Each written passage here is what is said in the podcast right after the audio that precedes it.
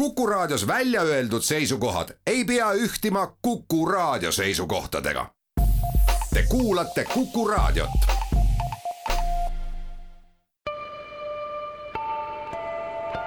ilmaparandaja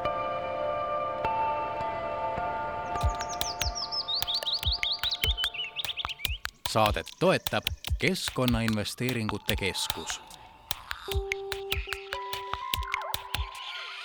Tere, head Kuku raadio kuulajad, kell on mõni minut kaks läbi, on laupäeva pärastlõuna ja eetris on selle nädala ilmaparandaja saade. mina olen saatejuht Mart Valner tänases saates läheme Greenest Summitile, mis sel nädalal Tallinnas Kultuurikatlas toimus. Läheme nimelt selle jaoks sinna, et uurida, missugused uued ja toredad rohetehnoloogia iduettevõtted Eestis tulemas on. lisaks uurime natukene ka linnas pildistamise ja linnalooduse kohta ning räägime jätkusuutlikust kalastamisest. aga alustame Greenest Summitiga ja sellega, mida seal näha ja kuulda oli ilmaparandaja.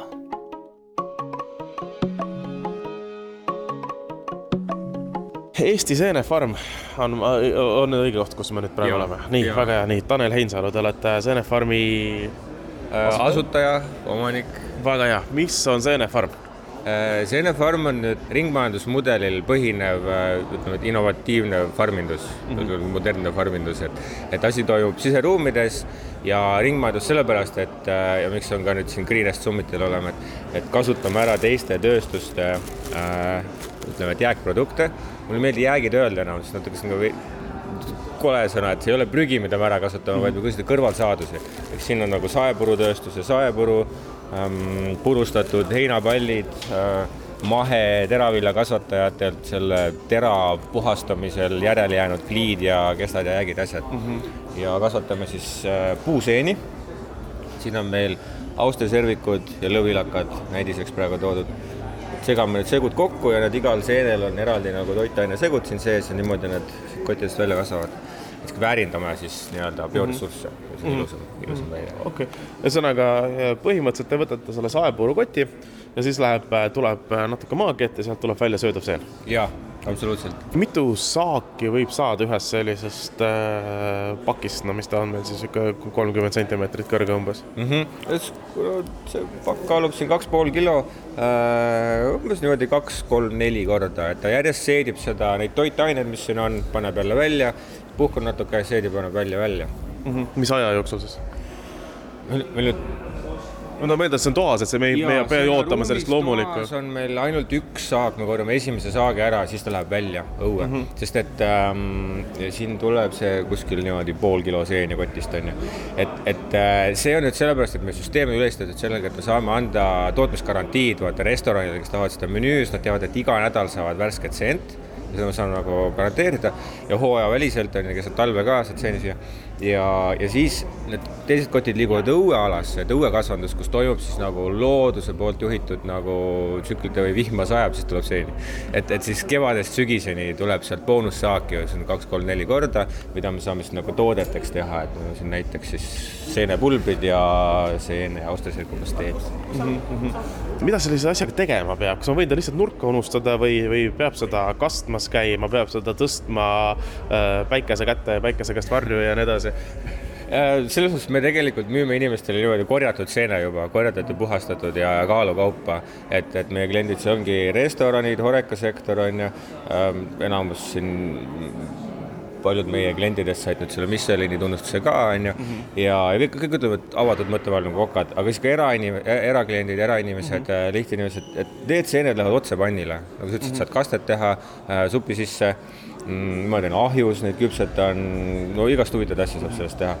ja aga, aga noh, see on nagu eeldus, et me korjame selle saagi ära ja müüme sulle selle kilokaupa ja puhastatud kujul, aga sa saad seda pakki omale koju ka osta kasvatamiseks ja sa saad selle panna kuskile köögileti peale, riiulile, ütleme nagu, keegi tahab mingeid herbe asju, salatikesi kasvatada niimoodi köögis, siis seda saab ka samamoodi. Mm -hmm.. sellepärast nii palju hoolitsemisest, et, et seen tahab nagu sügist, et, et siis mul on siin natuke väike, väike veeprits ka juures, et, et sa pead lihtsalt seda siis niisutama mm. -hmm. et, et noh, näed, ma siin kaks päeva on need seened mul siin väljas, nad siin kasvavad ilusti, on ju, et mul ei ole mingeid eritingimusi, aga aeg-ajalt ma siis teen neile vihma aga kui, kui, kui sa tulid siia, siis äh, kas need, äh, need seened olid juba väljas või see, mis ma siin näen praegu, on kahe päeva kasv? nii, need mul on siin mõlemat sorti kolm tükki reas, vaata mm. -hmm nüüd ähm, eile näiteks need olid, olid nagu täiesti olematud pisikesed nublud ja nüüd mhm. tänaseks on nad juba niimoodi suuremaks kasvanud, see oli eile kaks korda väiksem. ta, ta kasvab kaks korda suuremaks päevas, nii et siin on nagu kasvuetapid, vaata, et see on just, just nagu alg-, alustanud, see on juba selline mhm. keskmise suurusega, see on valmis -hmm. korjamiseks. ja see seen, mis siit tuleb, see maitseb nii nagu äh, metsaseen, see ei ole või, või on see kuidagi niisugune äh, noh, puhtas keskkonnas kasvanud puhas maitse juures või, või, või, või midagi sellist? Äh, maitseb nagu seen ikka äh,? Ta maitseb natukene nagu seen ikka ja äh,, aga ta ei maitse nagu metsaseen, kindlasti kohe mitte, ta on, ta on oma maitsekategooria täiesti, et seal ei ole see seenemaitse ka juures, aga no ütlesid, nagu sa ütlesid, et, et see on puhtamas keskkonnas puhas äh,, puha, puhas, puhas teema sest et tegemist on puuseentega ja vaata, need on nüüd metsa minnes nagu üliharuldased, et noh, ütleme, et austriaservikut leidub, lõvilakka sa ei leia, tõenäoliselt mõni mükoloog on Eestis kuskil selle leidnud ja nii hästi saladuses hoidnud, et ta ei ole sinna isegi avalikku registreerimisleiukohta isegi registreerinud, sest noh, eestlane on selline natuke selline, et keegi ei avalda oma kukeseene nagu kohta ka ära, vaata, et kui sellise harulduse leiad siin Eesti metsas, siis on aga, aga siis ongi see, et miks ta nüüd haruldane on, et, et vaata, puu peab tormis viga saama, mingi kukkuma ümber känd või midagi, sinna peab see seen sisse saama, just see liik on ju, looduskonkurents on nii suur ja, ja siis lõpuks peaks see kännusesse välja kasvama, on ju. et kui sa jalutad kuskile, sul on nagu puraviku meri või, või kukeseene meri, vaata, et siis tuleb pangeda tagasi, et, et puuseente puhul sellist nagu asja ei ole, aga eelis on see, et vaata, me saame saepuru kasutada ja ise kasvatada, ise paljundada seda niimoodi, et see. aga kas kukeseent saaks ka sellises äh, kännukeses äh, põhimõtteliselt kodus kasvama panna? niimoodi ei saa, sest et ähm, nüüd metsas looduslikud seened seened on sellised asjad, vaata seen on tegelikult see niidistik, mis siin on, et see on nagu see organism ja see on tema vili, viljakeha, et nagu pirnipuu ja pirn on ju, see on seda seent see seen, need puuseened on, on puulagundajad, nemad kasvavad puu peal, sest kõdupuit siis nagu sobib. aga vaata kukeseened, teised metsaseened, mis sa seal maas leiad, nendel on niidistik, mis on kõik ühendatud erinevate keskkondade, puude ja asjadega, neil on kõiki neid suhteid vaja et, et saada siis need mikroorganismid, need toitained sealtpoolt, sealtpoolt, sealtpoolt vahendavad seal, organiseerivad ja siis lõpuks tuleb see kukeseen välja.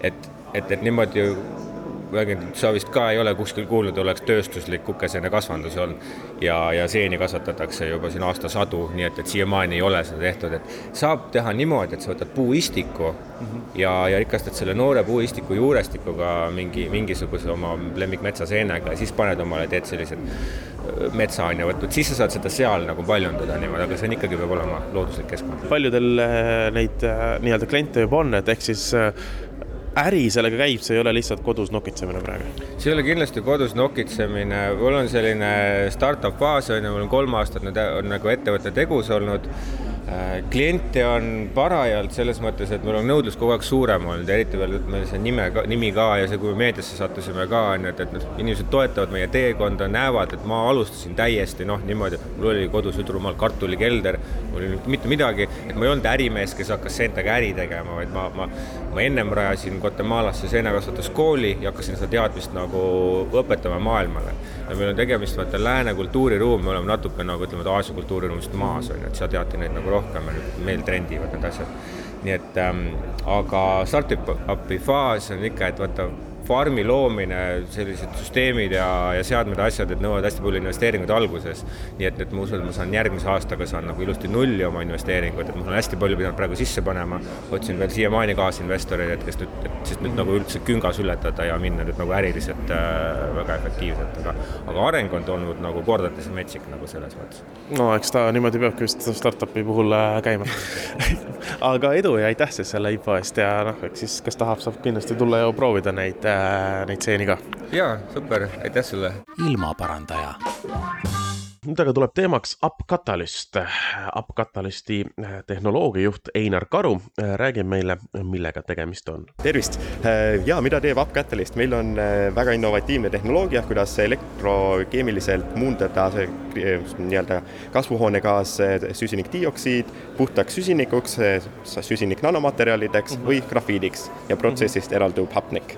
ja siis seda materjali me pakume akude tootjatele, eelkõige elektrisõidukite akude tootjatele, et asendada fossiilkütustel baseeruvad toorained, nii-öelda süsiniktooraine jätkusuutliku meetodiga valmistatud süsinikuks mm. -hmm. väga hästi tehtud pitch, ma näen, et see esimene kord, kui seda räägite Al. alustame sellest, mille pärast süsinikku akudes vaja läheb? jaa, tegelikult kui me mõtleme liitium-ioon-aku peale, mis on siis kõige nii-öelda tuntum akutehnoloogia praegusel hetkel, kui me mõtleme nii-öelda akus on anood ja katood. katood on siis tihti näiteks nikkel ja siis on nii-öelda akus on veel koobaltit, nii-öelda alumiiniumi ja nii edasi, aga anood tegelikult tihtipeale on süsinik, et nii-öelda primaarselt grafiit millele siis lisatakse süsinik nanomaterjali juurde juhtivate lisanditena, et mm -hmm. parandada aku omadusi veelgi mm -hmm.. okei okay,, arusaadav. ja teie võtate siis selle CO2-s, no tegelete sellise äh, capture'iga põhimõtteliselt või, või kasutate seda, te tegelete kliimamuutuste leevendamisega selle külje pealt, et me mitte ei vähenda CO2 heidet, vaid tahaks selle ära võtta? just, täpselt nii, et eh, tegelikult eh, meie nii-öelda tehnoloogia inglise keeles on uh, molten salt carbon capture electrochemical transformation. et põhimõtteliselt enda reaktorisse me siis suuname gaasilises olekus CO2 ja nii-öelda katoodide ja anoodide vahel, rakendades elektrienergiat, me siis lõhustame põhimõtteliselt CO2 molekuli Äh, süsinik äh, depositeerub äh, katoodile ja anoodist eraldub hapnik mm. -hmm. aga no CO2 püüda on ju suhteliselt keeruline, sest et äh, põhjus, mille pärast me seda näiteks ka praegu kliimamuutuste vastases võitluses ei kasuta, on ju see, et äh, nii-öelda ühe kilogrammi süsiniku kättesaamine, CO2 kättesaamine on äh, väga kallis tegevus ja keeruline on suhteline sõna, aga mida on tarvis, on energia. et see põhiasi ikkagi jääb energiasse, elektrienergiasse, mida kõige rohkem on tarvis, on jätkusuutlikku rohelist e-, elektrienergiat. Mhm. kuna kõik tehnoloogiad liiguvad elektri peale, mis on tihtipeale palju mm, efektiivsemad, samamoodi on ka nii-öelda atmosfäärist CO2 väljatõmbamisega, selleks on vaja palju elektrienergiat mm. -hmm ja ühesõnaga, meil oleks vaja palju rohelist elektrienergiat, me teame, et roheenergia üks suuremaid probleeme on see, kuhu seda salvestada. salvestite jaoks on siis hea, kui meil oleks rohkem süsinikku ja siis me saame paremad salvestid, et salvestada rohkem rohelist energiat, et püüda rohkem süsinikku kinni. absoluutselt, et see on väga hea näide ringmajandusest ja kui me räägime energia salvestamisest, et eh, nii-öelda Äh, grid storage, et siis tegelikult, kui mõtleme mm, akutehnoloogiate peale, et siin on oleks palju sobilikumad näiteks naatriumioon äh, akude tehnoloogiad, samuti äh, nii-öelda Äh, elektrivõrgustiku stabiliseerimiseks, praegu räägitakse väga palju äh, sagedusest, et sagedus on suur probleem, et seda saab sammu, samamoodi teha tegelikult ka superkondensaatoritega, et on tõusmas äh, väga huvitavad ideed, jätkusuutlikumad tehnoloogiad, kuidas ka superkondensaatoritega siis eelkõige seda sagedust stabiliseerida -hmm.. okei väga hea. ma saan aru, et siin on pudelites juba näha see süsinik CO2-st, mis on kätte saadud. kas see nüüd, alustame võib-olla sellest, see kogus nüüd kui kiiresti või kui, kui ruttu kuidagi kätte saab? Eh, ja eh, meil praegu on eh, nii-öelda kilogramm skaalal tootmine, me saame mhm. toota ligikaudu kaks kilogrammi süsinik nanomaterjale päevas, et seda me teeme enda nii-öelda pilootruumis. meie plaan on aga skaleerida väga mm, pingsalt. hetkel meil disain on juba mm, nii-öelda põhimõtteliselt lukus, et me ehitame enda tehnoloogia merekonteinerisse, kus meie tehnoloogia on täielikult automatiseeritud, süntees toimub täiesti automatiseeritult ja siis põhimõtteliselt saame konteinerist välja võtta nii-öelda sünteesitud süsinikku. Ähm, seal me juba toodame kaks koma seitse tunni süsinik nanomaterjale aastas ja sellega tarbime ära kümme tonni CO2 järgmine samm, mida me, millega me praegu hakkame juba hoogsalt tegutsema, on disainime järgmise põlvkonna nii-öelda suurema reaktori, mida siis saab juba rakendada suuremates tehastes. seal me oleme nii-öelda mõtleme seitsmekümne kuue tonnise aastase tood-, toodangu peale ja see on juba väga suur samm edasi mm. -hmm. aga see reaktor siis läheb kuhugi a la äh, praegu eksisteeriva suure elektrijaama kõrvale näiteks, kust oleks kohe kiiresti võimalik kuidagi kätte saada, see eraldub CO2 või see ei ole vahet, kus see on? Äh, seal on kaks nii-öelda meie protsessis kulub elektrienergiat ja nii-öelda kulub CO2, eemaldame CO2. Elektrienergia ideaalselt tuleks näiteks hüdroenergiast, samamoodi tuuleenergia ja päikeseenergia. Nii-öelda, kus on palju roheenergiat, seal on meil kõige kasulikum olla kui me mõtleme CO2 peale, see võib, meil, selleks on väga palju erinevaid võimalusi. kui me rääkisime enne direct air capture'ist, et siis nii-öelda otse atmosfäärist CO2 väljatõmbamine, meil on partnerlused erinevate firmadega, kes siis nii-öelda pakuvad meile kõrgekvaliteetilist, kõrge kontsentratsiooniga CO2. Samuti, kui toodetakse näiteks biogaasist vesinikku, sellest protsessist ka eraldub CO2, mille me saame väga hõlpsasti enda protsessiga muundada siis süsinik nanomaterjalideks ja pikas perspektiivis isegi grafiidiks mm. -hmm. aga nii, et kuhugi põlevkiviõlitehase korstna otsa ei ole praegu mõtet mingisugust püüdjat panna? Selleks on meil ka nii-öelda, teeme koostööd partneritega, et on olemas erinevad tehnoloogiad, kuidas siis korstna otsast välja tulev gaas, mis on väga suurel määral veeaur, seal on nii-öelda erinevad süsi-, lämmastikuühendid ja väävliühendid, mille eemaldamine on kasulik meie elektrolüüdile. et kui seal nende kontsentratsioon on väga suur, siis see pikas perspektiivis mõjutab meie protsessi ja samuti ka lõppmaterjali kvaliteeti. mida puhtam on sisend, CO2 sisend meie me nii-öelda tehnoloogiale, seda puhtam on ka väljund. aga selleks on tegelikult erinevad tehnoloogiad olemas, aga lihtsalt, mis on kõige oluline, olulisem, ongi, et see rahastus oleks samuti nii-öelda äh, ka riiklikult poolt nii-öelda riik paneks õla alla, et nii-öelda teha erinevad praegused tehnoloogiad jätkusuutlikumaks ja eelkõige, et kuidas see oleks siis transformatsioon fossiilsetest kütustest roheenergiatele. et see on minu meelest kõige olulisem. nii, läheme nüüd selle juurde, kaks kilogrammi päevas, kui me räägime nüüd, see läheb akudesse, kui paljudest akudest või, või kui, kui suur jah, see tootmine, mis kasu lõpuks on sellega? kui me mõtleme keskmise elektriauto aku peale, siis on ligikaudu kuuskümmend kuus kilogrammi süsinikku keskmises elektriauto akus. see on eelkõige grafiit, millest siis mõni protsent on lisand, lisatud süsinik nanomaterjal materjale äh, juhtiva lisandina. Sellesse, kui me nii-öelda mõtleme pikas perspektiivis, on meie eesmärk toota ka grafiiti, siis kui nagu on äh, United Nations välja öelnud, et aastaks kaks tuhat kolmkümmend on prognooside põhiselt maailmas sada nelikümmend viis miljonit elektriautot, see teeb kokku kümme miljonit tonni süsinikku. see on ikka väga suur number ja siin on vaja väga paljude erinevate firmade koostööd, et seda saavutada.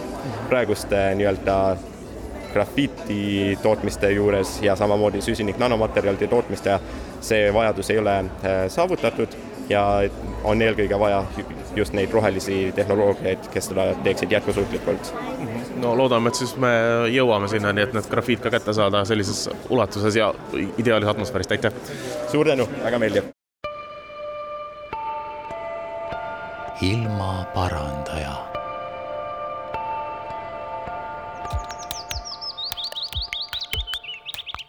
saadet toetab Keskkonnainvesteeringute Keskus. Jätkame saadet, oleme omadega Greenest Summitil, räägime rohetehnoloogia ettevõtetest ja mul on hea meel, et Kilovatt IT projektijuht Anti Reiljan on nüüd meiega, et rääkida, millega Kilovatt IT näol tegemist on. tegemist on äh, uue nutika lahendusega, millega me siis äh, kontrollime koduseid äh, ja miks mitte ka tööstuses energiatarbijaid ja muudame suvalise koduse energiatarbija siis targaks ja selleks ei pea mitte midagi rohkemat tegema, kui lihtsalt paigaldama ühe väikse lisavidina siis kas oma seadme külge või seadme nii-öelda vahele. Ja, ja keskmine seadme hind äh, jääb sinna poole äh, sellise äh, restorani õhtusöögi hinna juurde, nii et see kulu on täiesti mõistlik ja, ja, ja, ja, ja viisakas. ja, ja, ja mida me veel pakume, väga oluline meie teenuse juures on see, et me tegelikult juhime neid seadmeid siis börsihinna pealt. Ja ja saame, kasutaja saab tegelikult ise kõike ära seadistada ja panna paika siis, mis on tema soovid ja ootused. Ja siis äh, see nii-öelda automaatika, äh, mis serveris siis neid seadmeid juhib, äh, lülitab siis seadmeid sisse vastavalt eelnevatele seadistustele, ehk siis kallitel tundidel seadmed ei tööta ja kui elekter on odavam, siis seadmed töötavad. et see on see üldine lihtne põhimõte ja seadmed on kasutatavad nii kodudes, tööstuses, nendega võib juhtida kütteseadmeid, ventilatsiooniseadmeid, miks mitte akutõstukite laadimist tööstuses, et noh, neid kasutusvariante on väga-väga palju mm. -hmm. no ähm, sellised energiajuhtimisettevõtted Eestist on ka ju juba, juba varasemalt äh, paar tükki olemas, just nimelt suurettevõtetele suunatud ja ja, ja ka näiteks kodus äh, seal põrandakütte jaoks näiteks ja nii edasi, mis, mis teil seda paremat, teistsugust on? Meie lahendus ongi see, et me proovime pakkuda sellist äh, hinnasõbralikumat varianti, ehk siis äh, seadmed, me ei pane rõhku siis nii-öelda seadmete müügile, vaid äh, meie nii-öelda see rõhk on ikkagi sellel äh, taustasüsteemil ja nendel algoritmidel, mis nii-öelda neid, seda juhtimist teostavad. ehk siis, kui me võrdleme neid seadmeid, mida siis soetada ja millega saa seda nii-öelda teenust siis tarbima hakata, siis nende seadmete soetusmaksumus on kaks-kolm korda odavam, kui on konkurentidel Lähete hinnaga lööma ühesõnaga? kvaliteediga pigem ja, ja stabiilsusega, ehk siis äh, me oma nii-öelda äri rajame selleks, et see oleks pikaajaline, et see jätkuks. Ja, ja, ja siis äh, kindlasti on meil soov ka nii-öelda maailma minna vallutama, et me ei jää ainult siia Eestisse, et tänaseks on meil teenus kohe kasutatav Lätis, Leedus, Eestis, Soomes, peame tõsist plaani laieneda ka Rootsi ja, ja võib-olla ka Poola turule. Mm. -hmm ühesõnaga, te ei ole täiesti nagu startup'i faasis, teil on kliendid, te juba töötate? Äh, ja et hetkel noh, ütleme ikkagi me peame ennast veel äh, selliseks äh, startup'iks, et ettevõtte vanus on alla aasta, aga selline kasv ja tõus on ikkagi tormiline ja, ja, ja põhimõtteliselt noh, hetkel on siin noh, ütleme tuhandet klienti või tuhandet seadet meil veel täis ei ole, aga liigume selles suunas ja ma usun, et nüüd see üritus, mis me siin täna oleme ära teinud, huvi on siin olnud väga massiline et äh, see annab meile kõvasti tuult tiibadesse ja, ja jõuame siin lähikuudel äh, hoopis teisele tasemele. meil on äh, siin väljas siis sellised nii-öelda kodukasutaja seadmed ja on siis ka tööstuslahendused, ehk siis ongi, et kui me nüüd äh, võtsime omale täiendava suuna, et algselt oli plaan siis äh, keskenduda kodutarbijale, äh, kui me alustasime nüüd äriklienti, siis selgus, et ärikliendi vajadus on hoopis midagi muud.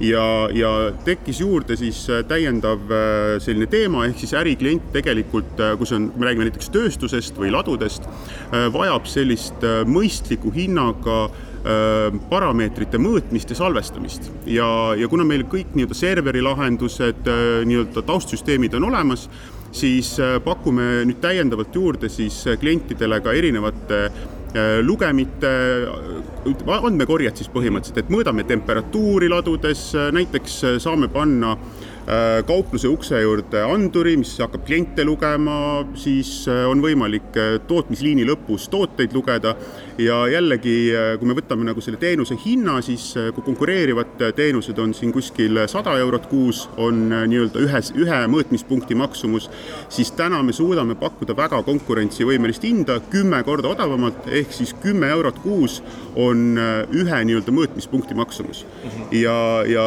ta, taustsüsteem, kus neid andmeid äh, jälgida, vaadata, me saame minuti täpsusega täpselt neid andmeid analüüsida ja, ja noh, andmed on siis äh, aastaid kättesaadavad pärast. et, et noh, väga paindlik lahendus ja noh, et me, ja me ei räägi ainult ühefaasilistest seadmetest, vaid kui me räägime nii-öelda juhtimisest, siis äh, meil on ka võimalik väga-väga äh, suuri seadmeid juhtida, kolmefaasilisi äh, tööstusettevõtted saavad meie käest sellise kompaktse kiti, millega nad võivad oma kolmefaasilised seadmed terves tööstuses või terves tootmises ära mõõta. ainuke, mis selleks vaja on, on siis wifi ühendus ehk siis äh, tuleb tagada stabiilne wifi ühendus ja, ja võime mõõta elektritarbimised äh,, igasugused asjad, parameetrid ära mm. -hmm. no kui me kodutarbijaks räägime, siis ikkagi see elektri osa just nimelt ka see, eks ole, et äh, kui vaadata börsi, börsihinna järgi, siis see tähendab ka suure tõenäosusega seda, et võimaldate ka vähem tarbida, lisaks sellele, et odavamal ajal ka lisaks, ma kujutan ette, et ka vähem tarbida, eks ole, et hoides mingisuguseid temperatuure ja nii edasi nagu. täpselt, et äh, teha see tarbimine siis nutikaks, on ju, mhm. et äh, noh, et ütleme, et kui me ikkagi tahame tahame tuba soojaks saada, siis ega me noh, väga palju vähem tarbida ei saa, aga, aga kui me võtame nagu selle üldise nii-öelda trendi, mis meil siin Nord Pool graafikute pealt vastu vaatab, siis ega fakt on see, et kui me tarbime odavat elektrit, siis me tarbime roheliselt, sellepärast et odav elekter on meil ikkagi päikeseelekter, tuuleelekter ja kallis elekter on põlevkivielekter. ehk siis, kui me jätame nendel tundidel elektri tarbimata, kus elekter on meil siin viiskümmend senti kilovatt-tund ja tarbime sellel tunnil, kus elekter on kümme senti nii-öelda kilovatt-tund, siis, siis me oleme ikkagi noh, võime öelda viis korda rohelisemad ja hoiame ka viis korda rohkem elektrit kokku, mis on väga oluline argument. ilmaparandaja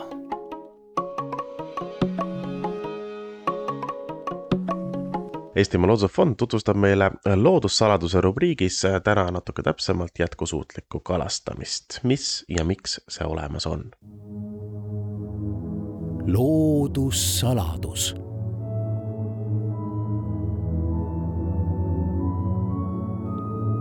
Eestimaa Looduse Fondi inimesed räägivad loodusest ja looduskaitsest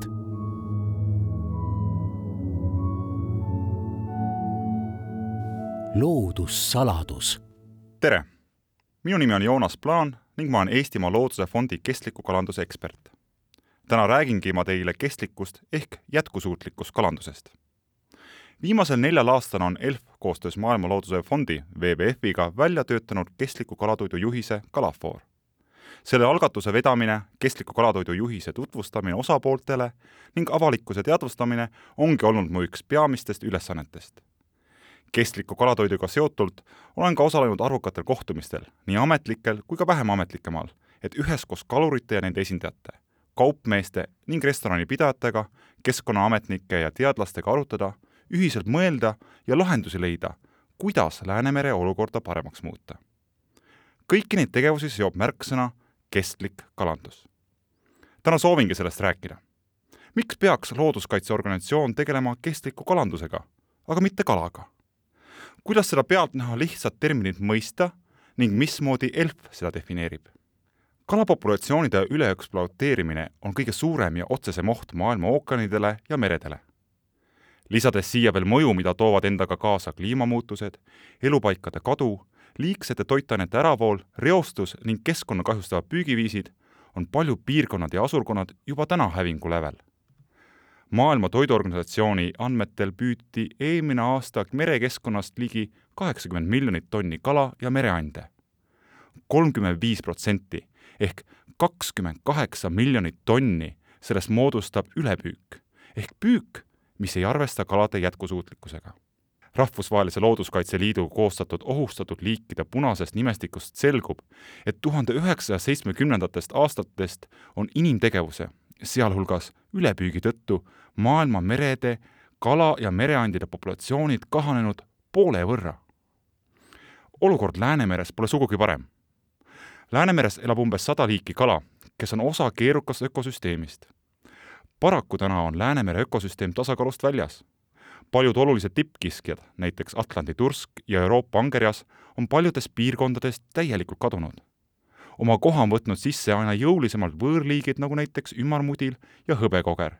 ning meres leiab laialdasemalt eutrofeerumist taluvaid liike, kes tihti on kalurile väheväärtuslikud või ökosüsteemile kurnavad. Mereinstituudi teadlaste hinnangul kõigest kolmkümmend seitse koma viis protsenti Eesti rannikumeres elavate kalade asurkondadest on täna heas olukorras. see tähendab, et heas seisus on suuresti alla poole kalapopulatsioonidest meie rannikumeres. piirkonniti võivad kalade olukorda mõjutada erinevad põhjused, kuid kõikjal, kuhu me ka ei vaataks, on üheks olulisemaks teguriks kalandus, mis ei ole kestlik. Aina suuremat rolli mängivad kliimamuutused, mille tõsisemaid tagajärgi me alles hakkame nägema. Läänemere kehvas olukorras mängib olulist rolli eutrofeerumine aga ka liigsetest toitainetest vaevatud merest oleme aastaid püüdnud rohkem, kui Läänemere ökosüsteem seda talub. Õnneks on ka positiivseid noote. tasapisi on olukord paremaks muutunud. arenenud on riikidevaheline koostöö ning rahvusvaheline teaduskompetents. Püügil kasutatakse aina enam väiksema keskkonnamõjuga vahendeid ning tõusnud on ka inimeste teadlikkus. kahjuks aga on taastumine olnud palju aeglasem kui hävingu tempo ja paljudes kohtades me püüame taastada teadmata, mida me oleme juba kaotanud. mere ökosüsteemide kehv olukord on üks peamisi põhjuseid, miks looduskaitseorganisatsioonid peavad jõulisemalt ning fokusseeritumalt tegelema selle nimel, et kalandusega seotud osapooled asuksid kiiremalt samme kestliku kalanduse suunas. Aga kuidas siis ikkagi defineerida seda kestlikku kalandust? mis iseloomustab kestlikku kalandust Eestimaa Looduse Fondi nägemuses? selle selge sõnastamine on hädavajalik esimene samm, et siis ühiselt selle nimel tööle asuda. senimaani peegeldab ELFi arusaamist kestlikust kalandusest ennekõike kestliku kalatoidu juhis Kalafoor, kus kümned kaubanduses leiduvad kalaliigid ja mereannid on jaotatud kolme kategooriasse. Rohelise kategooria kalu ehk kategoorias, kus asuvad kestliku kalanduse teel saadud liigid, iseloomustab kolm omadust. esiteks, kalade olukord nende keskkonnas on hea. teiseks, kalade püüdmisel kasutatakse püügivahendeid ning meetode, millele on keskkonnale minimaalne mõju. ning kolmandaks, püük on hästi juhitud, reglementeeritud ning läbipaistev. sisevete kalade ning kasvatusest pärinevate mereandide puhul on kategooriad mõnevõrra komplekssemad. Näiteks vooluvete puhul mängib rolli ka paisude mõju ning kasvatuse kalade puhul toiduks kasutatav tooraine. Nende kõigi kategooriate kohta võiks pikalt rääkida, aga see ei ole selle loo eesmärk ilmselgelt on selliste hinnangute tegemine keerukas ning nõuab tohutu hulga teadustööde läbitöötamist. iga liigi puhul peab arvestama nii püügipiirkonna kui ka püügiviisiga. nii võib näiteks kohale anda väga erinevaid hinnanguid, sõltuvalt kas ta on püütud Mustast merest, Pärnu lahest või Peipsi järvest, nakkevõrgu või mõrraga. Selle lähenemise järgi iseloomustab kestlikku kalandust mitmete asjaolude koosmõju, võttes arvesse nii kalade ökoloogia kui ka inimeste majandustegevuse. kompleksne aga paraku mitte piisav. kestliku kalanduse ja merekeskkondade kaitsega tegelevate organisatsioonide seas on juba aastaid toimunud arutelu, kuidas muuta kestliku kala määratlemine terviklikumaks, võttes arvesse ka inimese, kaluri, kes selle kala püüab, ning kogukonna, kes sõltuvad mingilgi määral kalandusest. me vajame kestliku kalanduse käsitlust, mis haarab endasse parima teadmise kalade ökoloogiast, hindab majandustegevuse mõju keskkonnale aga ka kalanduse sotsiaalmajanduslikku jälge rannarahvale. seega, kestlikkuse saavutamiseks peame me arvestama ning kaasama sellesse protsessi ka inimesed. Maailma Looduse Fond on sõnastanud, et edu looduskaitses on võimalik saavutada ainult inimesi kaasates. keskkonnakaitselisi tegevusi peab nägema kui üht osa lahendustest laiematele sotsiaalsetele väljakutsetele. seda tuleb ja peab arvestama ka kestliku kalanduse nimel töötades kestlik kalandus peab peegeldama ökoloogilist olukorda, sotsiaalset reaalsust ja majandustegevust võrdselt olulisena, tegemata kompromisse ühe komponendi kasuks. Kõike seda kokku võttes oleme üheskoos teiste Euroopa looduskaitseorganisatsioonidega jõudnud definitsioonini, mis ütleb. kalandus on kestlik, kui säilitatakse ja taastatakse kalanduse ökoloogiline alus, tagades sellega, et tulevased põlvkonnad ei satuks ebasoodsasse olukorda teiseks, et kalapüügist saadav kasu tugevdaks kogukonna ja ühiskonna vastupanuvõimet. ning viimaks, kalanduse juhtimises kasutatakse ettevaatuspõhimõtteid, mis hõlbustavad püügi, püügikoormuse ja püügivahendite vajalikku kohandamist läbipaistvuse ja avaliku aruandlusega. latt on kõrgele seatud ning vaja on tohutult tööd, et välja töötada viisi, kuidas selliselt defineeritud kalandust mõõta ja olemasolevalt olukorda sinna suunas tüürida. ilmselgelt tuleb seda määratlust kasutades arvestada ka kohaliku eripäradega ning vajadusel kohandada. Oluline on, et peamised põhimõtted säiliksid. ühe esimestest sammudest oleme juba tegemas. järgmisel aastal uuenev kestliku kalatoidu juhis võtab uusi hinnanguid tehes selle definitsiooni kasutusse. lisades kalade olukorrale, püügi mõjule ja viisile, kuidas püük on juhitud, arvestavad värsked hinnangud ka kogukondade kaasatust kalandusse, inimõiguste komponenti, kalanduse süsiniku jalajälge ja hüljatud võrkude mõju ökosüsteemile. Kõik see võiks anda veelgi tervikluma pildi, milline on kestlik kalandus ning millist kala on kestlik toidulauale tuua. Elfis tegeleme looduse ja temaga seotud saladustega iga päev. ilmaparandaja eetris jagame järgmist lugu juba kuu aja pärast. aitäh kuulamast! loodussaladus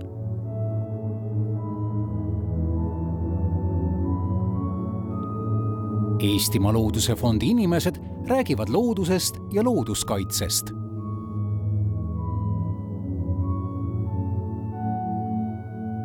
loodussaladus. ilmaparandaja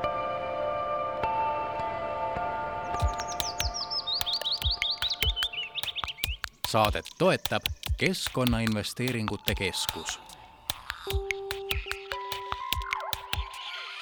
Tartu Ülikooli Loodusmuuseumi Rukkiräägu rubriigi salvestus toimus Matsalu loodusfilmide festivalil kahekümne kolmandal septembril. saatejuhiks oli ka ilmaparandaja, saate kuulajatele tuttav Tartu Ülikooli Loodusmuuseumi ja botaanikaaia harrastusteaduse peaekspert Veljo Runner, kes vestles Loodusfestivali fotokonkursi Metsik linn žürii liikme Urmas Tartesega linnalooduse pildistamisest. seda nüüd aga saategi lähemalt kuulata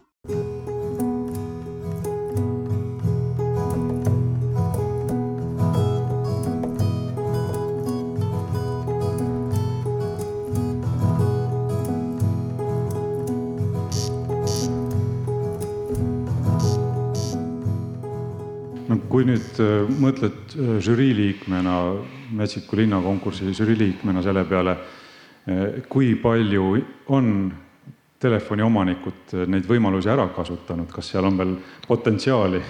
noh, hea pildi saamise üks klassikalisi võtmeid on universaalne, kuidas öelda, lähenemine, et kui pilt pole piisavalt hea, siis sa ei olnud piisavalt lähedal seda ütlust omistatakse sageli tuntud rindefotograaf Robert Kapale, kuid see on universaalne printsiip ja kehtib ka ju looduse pildistamisel, et asi ei ole mitte selles, et meil peaks olema mingi viiesaja või kaheksasaja millimeetrine teleobjektiiv, et siis nagu me saaksime head pilti.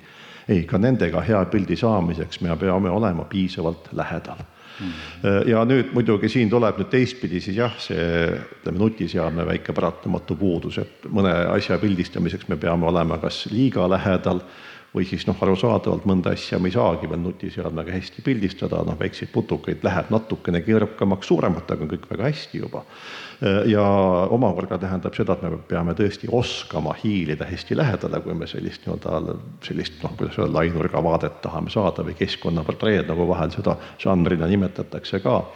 et see on nagu mõnes mõttes väljakutse, teisalt, mis ju teeb äh, linnalooduse pildistamise mõneti natuke lihtsamaks, on ju see, et äh, suuremad loomad, kes linnas ennast püsivalt on sisse seadnud, nad üldjuhul inimesi väga ei pelga ja, ja väga ju põnevad on kas või sellised pildid, kui siis mõned linnud tulevad kusagile välirestorani laua pealegi oma lisasööki võtma ja ja, ja seal ütleme, see ligipääsemise probleem ei ole nüüd selline nii suur, on lihtne suhteliselt, nad tulevad ise mm,. et ma saan aru, et äh, võiks nendele, kes nüüd plaanivad järgmistel aastatel osaleda äh, meie fotokonkursil, et üks selline põhilisi nõuandeid, kui nad kasutavad nutitelefoni, pigem proovige veel lähemale oma objektile saada, võib-olla saab ägedamaid fotosid.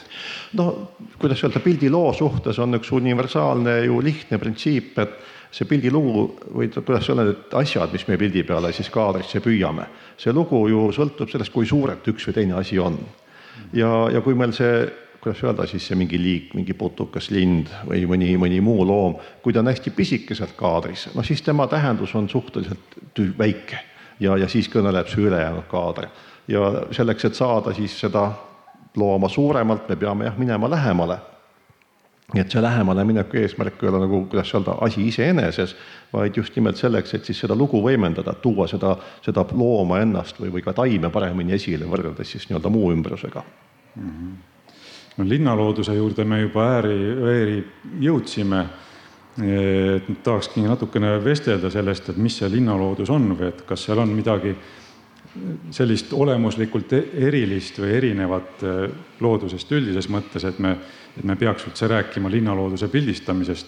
ja sa tõid tegelikult ühe huvitava asjaolu juba välja, mida me seal konkursil oleme ka näinud, et äh, pildistatakse noh, nagu linnaloodusena objekte, mis tegelikult noh, näeme tavalises metsas või keskmises metsas või, või põlluservas või, või, või rannikul. Ja üks põhjus võib-olla on sellepärast, et, et linna mõiste on niivõrd laienenud juba puht äh, sellisest administratiivsest vaatevinklist, et mõned linnad on võtnud enda alla tõesti maapiirkonnad või metsad ja, ja eile, eks ole, oli, äh, oli mälumängus ka üks küsimus, et et Matsalu laht, et mis, mis administratiivüksustega piirneb ja Haapsalu linn, eks ole, põhjast tuleb ka välja, nii et võib Haapsalu linnast teha väga ilusaid mereäärseid fotosid mereäärsetest äh, lindudest ja öelda, et need on nüüd linnalinnud, linnalooduse pildid. Äh, aga et kui nüüd selles kontekstis äh, natukene arutleda, kas, kas fotograafia mõttes me, me võiks kuidagi piiritleda seda linnaloodust no sa tegelikult ütlesid juba ka, et, et neid linnalooduse elemente või linna kui sellist võiks seal olla kajastatud ja, ja noh, mulle endale isiklikult meeldivad sellised pildid, kust tuleb välja see pinge inimese ja, ja siis looduse või loomade vahel, et sa näedki, et see linnakeskkond eh, kas siis mõjutab ühte või teist või üks, üks võidab või, või kaotab sellest, et ta on linna valinud elukeskkonnaks. et kas, kas võiks midagi sellist seal olla, üks printsiip? Linnaloodusel ja linnalooduse jälgimisel ja pildistamisel ongi ju nagu kaks äh, tõsisemat äh, tausta ja eesmärki. ja üks on äh, laiem, universaalne pildistamise eesmärk on ju see, et sõltumata sellest, kui häid pilte meil kas või alguses ja alustades õnnestub teha ja lõpuks, ega minul läheb ka väga palju pilte untsu, kui ma välja lähen pilte tegema, siis pildistamine on teekond meie ümbritseva tundmaõppimiseks ja tähelepanemiseks, kes meie juures on, mida nad teevad, miks nad on. Ja noh, selline ilus ütlus, loodusharidus, mis selle kaudu kasvab, see on ju põhiline eesmärk üldse, miks on mõtet nagu pilte teha ja, ja teisalt siis äh, piltide kaudu on võimalik näidata asju, mida võib-olla igaüks ei ole veel tähele pannud või ongi sellised ka asjad looduses, kus meil ei ole võimalik ju teha suurt ekskursiooni, et just nimelt pilt on see, mis seda edasi annab ja näitab ja kas mingeid erilisi hetki, mis siis, mis siis juhtub. Ja nüüd linn, linnakeskkond tuleb siia juurde ju, ju teistpidi kahe nii-öelda nagu olulise teemana, et ühest küljest siis on tegemist väga tugevalt muudetud elukeskkonnaga loodusaineringete mõistes. ehk eh, see teisalt on, ütleme, siiski ka inimese elukeskkond, et ükskõik kui sügavale või põhjalikult linna me ka ei ole nagu oma elu sättinud, siis me ei ole vabastanud endast suhetest ümbritseva loodusega, ümbritseva elukeskkonnaga ja eluvõrgustikuga, me oleme sellega endiselt väga otseselt seotud, isegi kuigi seda igapäevaselt ei, ei paista meie jaoks. et see on nagu, nagu, nagu üks selline tunnetuslik pool linnalooduse avastamise ja pildistamise poolest. ja, ja teine moment muidugi on ka see, et ähm, kui inimene neid linnasid hakkas tegema, siis äh, väga paljud liigid, kes muidu nagu metsas olid harjunud elama, noh, mets on nagu meie ju see põliskoolsus oma olemuselt, äh, siis väga paljud liigid ju ei osanud selles linnakeskkonnas hakkama saada, sest arusaadavalt paljud eluvõrgustiku osad olid katki ja, ja seal ei olnudki võimalik ja paljud, noh, mis nüüd paljud, mõned liigid muidugi jällegi said väga hea eelistargi linnakeskkonnast, noh, mratid näiteks või kirbud või et noh, teame väga hästi, neid ei ole loodusest nii palju, kui need linnakeskkonnas on. Ja teisalt, mida me nüüd näeme, kaasa arvatud viimase sellise, eriti võib-olla poolsajandi jooksulgi, kus väga paljud liigid, kes varem olid nagu teatud elupaigas, on võtnud endale siis koduks ka linnakeskkonna ja, ja, ja, ja linna tundnud elama, sest no mina oma lapsepõlvest mäletan seda, et kajakas linnas oli ikka suhteliselt niimoodi haruldane nähtus ja nüüd on ta meil igapäevane linnaloom pigem. Ja samamoodi on erinevad pistrikud, kes vaikselt siis tulevad, kui sööki on ja edasi, ehk siis eh, liigid ka kohanevad keskkonnaga sedavõrd-kuivõrd seda võimalust eh, neile antakse ehk seetõttu ka see linnalooduse jälgimine ka pildistamise kaudu ongi üksiti ka võimalus ka neid muutusi vaadata ja, ja avastada, et mis on siis toimunud, mis oli kunagi, mis on praegu. jah, sa tõid ühe huvitava või olulise teema, mille peale ma ka hakkasin mõtlema, et kuidas me dokumenteerime looduse muutusi ja, ja noh, reeglina oodatakse seda, et keegi niimoodi, kes on see, kes teaduslikult asjadele läheneb, on ikkagi teadlane, kes fikseerib, et ajahetkel A oli meil, olid need liigid linnas või metsas, ajahetkel B mingid teised liigid. et tänu sellele, et fotograafia on nii noh, massidesse läinud, on tegelikult see võimalus nüüd väga paljudel ja kuigi noh, Metsiku linna konkursi raames me räägime sellisest pigem kunstilisest lähenemisest aga neid kahte ülesannet või, või rakurssi või nurka, ma arvan, et ei pea lahutama, et tegelikult võibki ka olla kunstilise taotlusega loodusfoto selline, mis suudab ka, kui me vaatame ajas tagasi nende konkursside fotodele, anda meile teavet selle seisukorra kohta, loodus ja inimene. no Loodusmuuseumi kontekstis on ju väga hea tuua siia juurde igaühe teaduse mõiste ja kõik need äh, head andmebaasid, mida Loodusmuuseumis ka ju peetakse, alates loodusvaatluste sisestamise võimalusest, siis ju iga inimese fotokogu tänapäeval juba vaikimisi on ka ju põhimõtteliselt teaduslikku väärtust omav kogu mis teeb ühest fotokogust äh, teaduslikult kasutatava kogu? seal peab olema kolm parameetrit selle foto kohta teada. pildistamise aeg, pildistamise koht ja kes on pildi peal või mis on pildi peal aeg ja koht. Tänapäeval jällegi nutitelefonidest oleme palju rääkinud, on meil automaatselt. ja see, kes on seal pildi peal, siis ju enamasti sellised linnalooduse liigid suudab ikkagi ekspert ka pildi järgi määrata.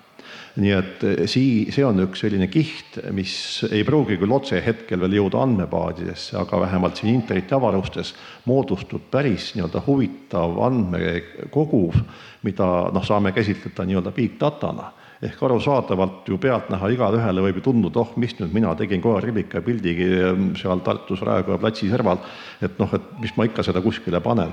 üks paneb ühe pildi, teine teise pildi ja kui miljon inimest panevad juba miljon pilti linnas toimunud nähtustest ja seda tehakse nii-öelda järjepidevalt siis sellest kujuneb äärmiselt oluline selline just nimelt ka teaduslikult käsitletav dokument muutuste jälgimiseks ja arvestamiseks hiljem ja vaatamiseks, mis siis on toimunud, kuhu me toime, mis võib edasi minna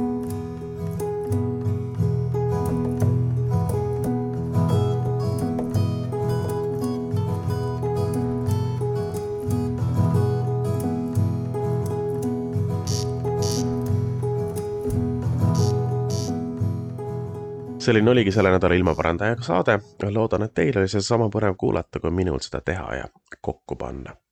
ilmaparandaja ise on jälle eetris natuke vähem kui nädala aja pärast, aga ärge ka unustage selle nädala jooksul enda ümber ringi vaadata, et leida viise, kuidas ilma parandada. saatejuht oli täna Mart Valner.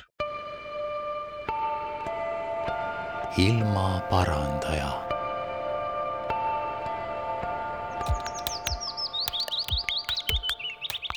saadet toetab Keskkonnainvesteeringute Keskus